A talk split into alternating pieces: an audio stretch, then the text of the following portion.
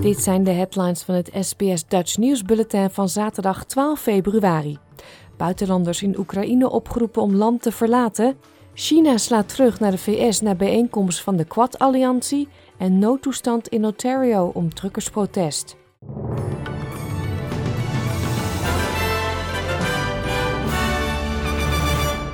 Verschillende westerse landen, waaronder de Verenigde Staten en het Verenigd Koninkrijk, roepen staatsburgers op Oekraïne te verlaten. De oproep komt na nieuwe waarschuwingen van Amerikaanse functionarissen dat een Russische invasie van Oekraïne ieder moment kan beginnen, mogelijk tijdens de Olympische Winterspelen in Peking.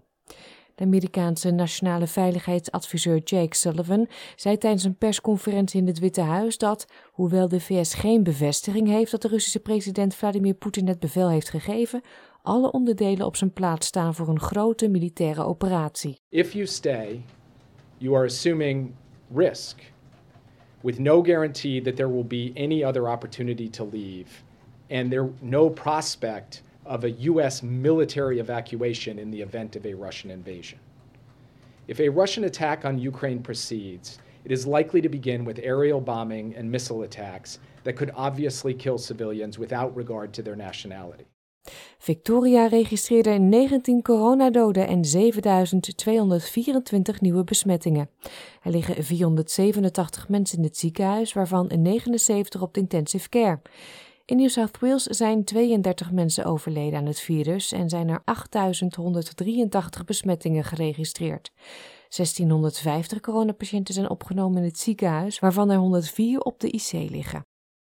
China slaat terug naar de Verenigde Staten na een bijeenkomst van de Quad-alliantie en noemt het een instrument om China te controleren. Australië ontving gisteravond de ministers van Buitenlandse Zaken van India, Japan en de Verenigde Staten. Tijdens de ontmoeting zei de Amerikaanse minister van Buitenlandse Zaken Anthony Blinken dat China zich agressiever had gedragen in eigen land en in de regio's. De opmerkingen leidden tot een reactie van de woordvoerder van het Chinese ministerie van Buitenlandse Zaken. Die zei dat de opmerkingen een ideologische vooringenomenheid tonen. The so-called Quad Alliance between the US, Japan, India and Australia is in essence a tool to contain China. It is artificially provoking confrontation and undermining international solidarity and cooperation. In vier regio's in New South Wales zullen kiezers vandaag hun stem uitbrengen in zogenaamde by-elections. De verkiezingen zijn het gevolg van een politieke ontslaggolf vorig jaar, die werd veroorzaakt door het vertrek van toen nog premier Gladys Berejiklian. Zij werd genoemd in een onderzoek naar corruptie.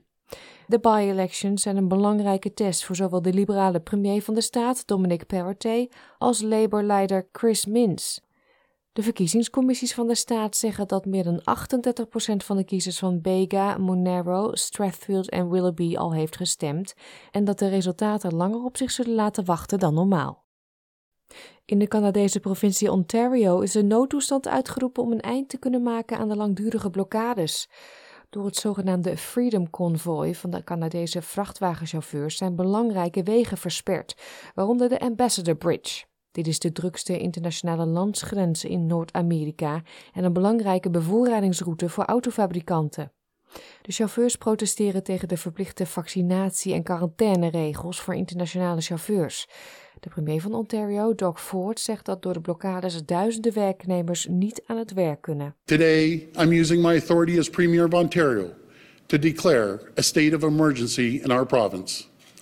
And I will convene cabinet to use legal authorities to urgently enact orders that will make crystal clear it is illegal and punishable to block and impede the movement of goods, people and services along critical infrastructure. De Amerikaanse president Joe Biden gaat 7 miljard dollar aan Afghaanse tegoeden verdelen tussen nabestaanden van de aanslagen op 11 september 2001 en humanitaire hulp voor Afghanistan. De Afghaanse overheid stalde het geld vanaf 2001 bij de Amerikaanse centrale bank als appeltje voor de dorst. Na de machtsovername door de Taliban in augustus 2021 wilde de nieuwe regering het geld hebben, maar dat ging niet door. De VS erkent de machthebbers niet. Het geld wordt verdeeld. 3,5 miljard dollar gaat naar nabestaanden van de 11 september aanslagen. Zij vroegen om smartengeld omdat de Taliban in 2001 de daders faciliteerde. De andere 3,5 miljard gaat naar hulp voor Afghanistan. Mind Australia's aftercare-programma voor LGBTIQ mensen die suïcidale gedachten hebben, ziet een toename in het aantal verwijzingen. Het is het gevolg van het debat voor de Religious Discrimination Bill en de impact ervan op de LGBTIQ gemeenschap. Het gratis lokale programma in Northcote, een wijk in het noorden van Melbourne, zegt dat het de afgelopen twee weken meer verwijzingen ontving via de Mind-website dan in de voorgaande twee maanden samen.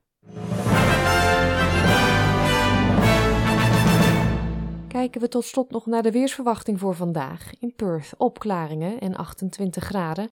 Adelaide, daar is het zonnig, 31. Melbourne overwegend zonnig, 29. Hobart gedeeltelijk bewolkt, 21. Ook in Canberra is het gedeeltelijk bewolkt, 23. Er vallen een paar buien in Wollongong, 23. In Sydney ook een paar regenbuien, 26 graden. Hetzelfde geldt voor Newcastle, maar 25. In Brisbane moet men rekening houden met enkele buien, 30. Cairns gedeeltelijk bewolkt, 32. En in Darwin kans op een regen- of onweersbui en daar wordt het 33 graden. Dit was het SBS Dutch Nieuws.